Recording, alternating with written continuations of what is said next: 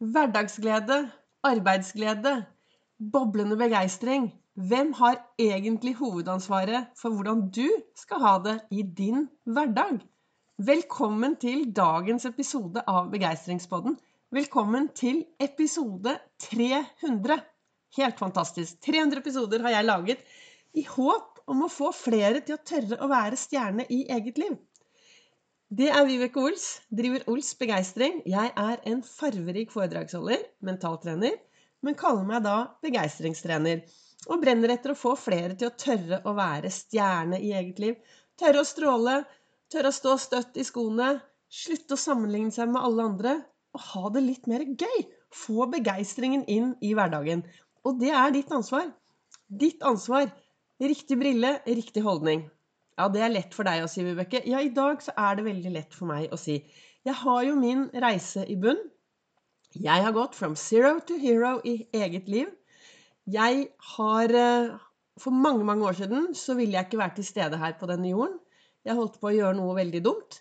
Men jeg har fått hjelp. Og i veien Altså, jeg fikk jo Det ble Det har vært eh, Hva heter det? Psykologer, psykiater og mye terapeuter. Men det var jo først når jeg forsto at det eneste mennesket som faktisk kunne hjelpe meg i veien videre, ja, det var jo meg selv. Det var meg selv.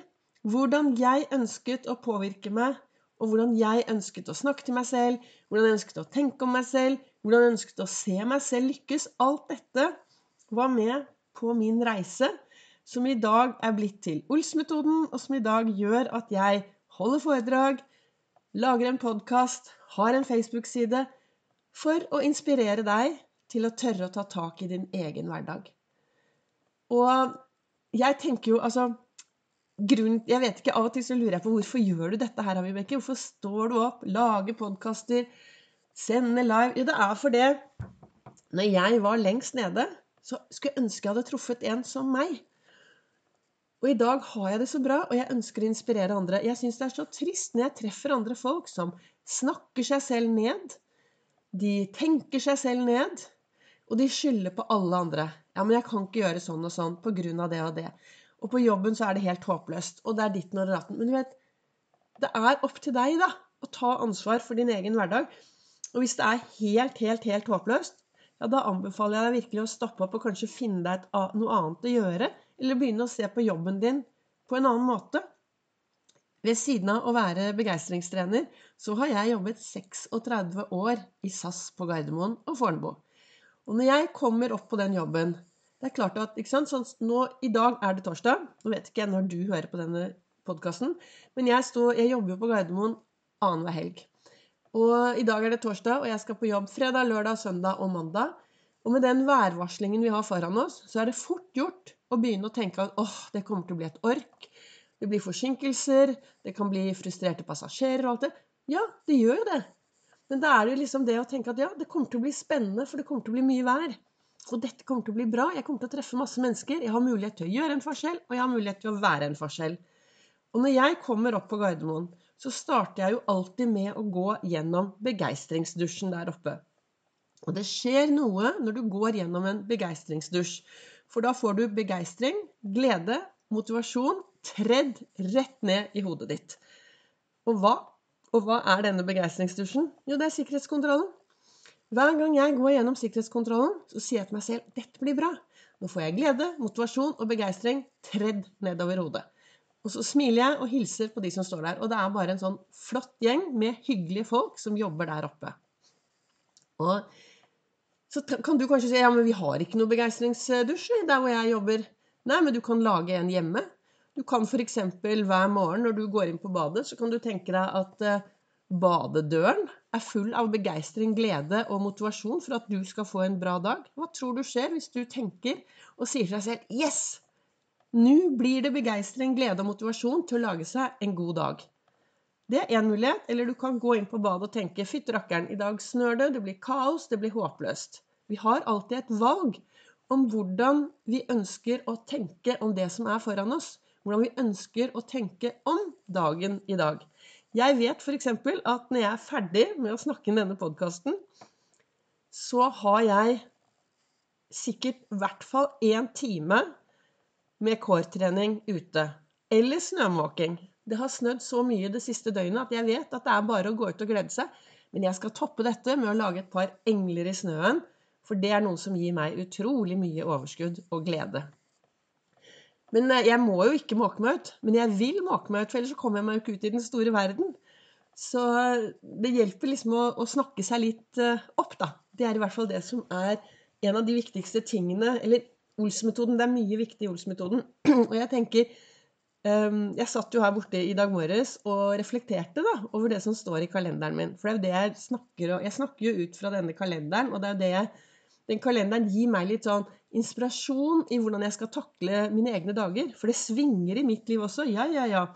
Det svinger i mitt liv. Og dere som har fulgt meg, fikk jo med dere at eh, desember var eh, pang, sa det, og så kom det en haug med angstanfall. Men da fikk jeg trent på det jeg jobber med. Da fikk jeg trent på å bruke Ols-metoden. Så her svinger det. Nå er det veldig bra, da. Og i dag, uten å gå i detaljer, i dag så fikk jeg en sånn tilbakemelding på at nå er det like før jeg er ett hakk nærmere et stort, hårete mål. Det kommer jeg tilbake til. Men det jeg snakket om, da, eller nei, det jeg reflekterte over i godstolen tidlig i dag morges, det var Der står det nemlig i kalenderen Hvordan i all verden skal du kunne elske andre hvis du ikke elsker deg selv? Og hvordan er det da med denne egenkjærligheten, selvkjærligheten? Hvor glad er du i deg selv? For én ting er jo at du skal være glad i andre, men Hvorfor skal folk være glad i deg om ikke du er glad i deg selv?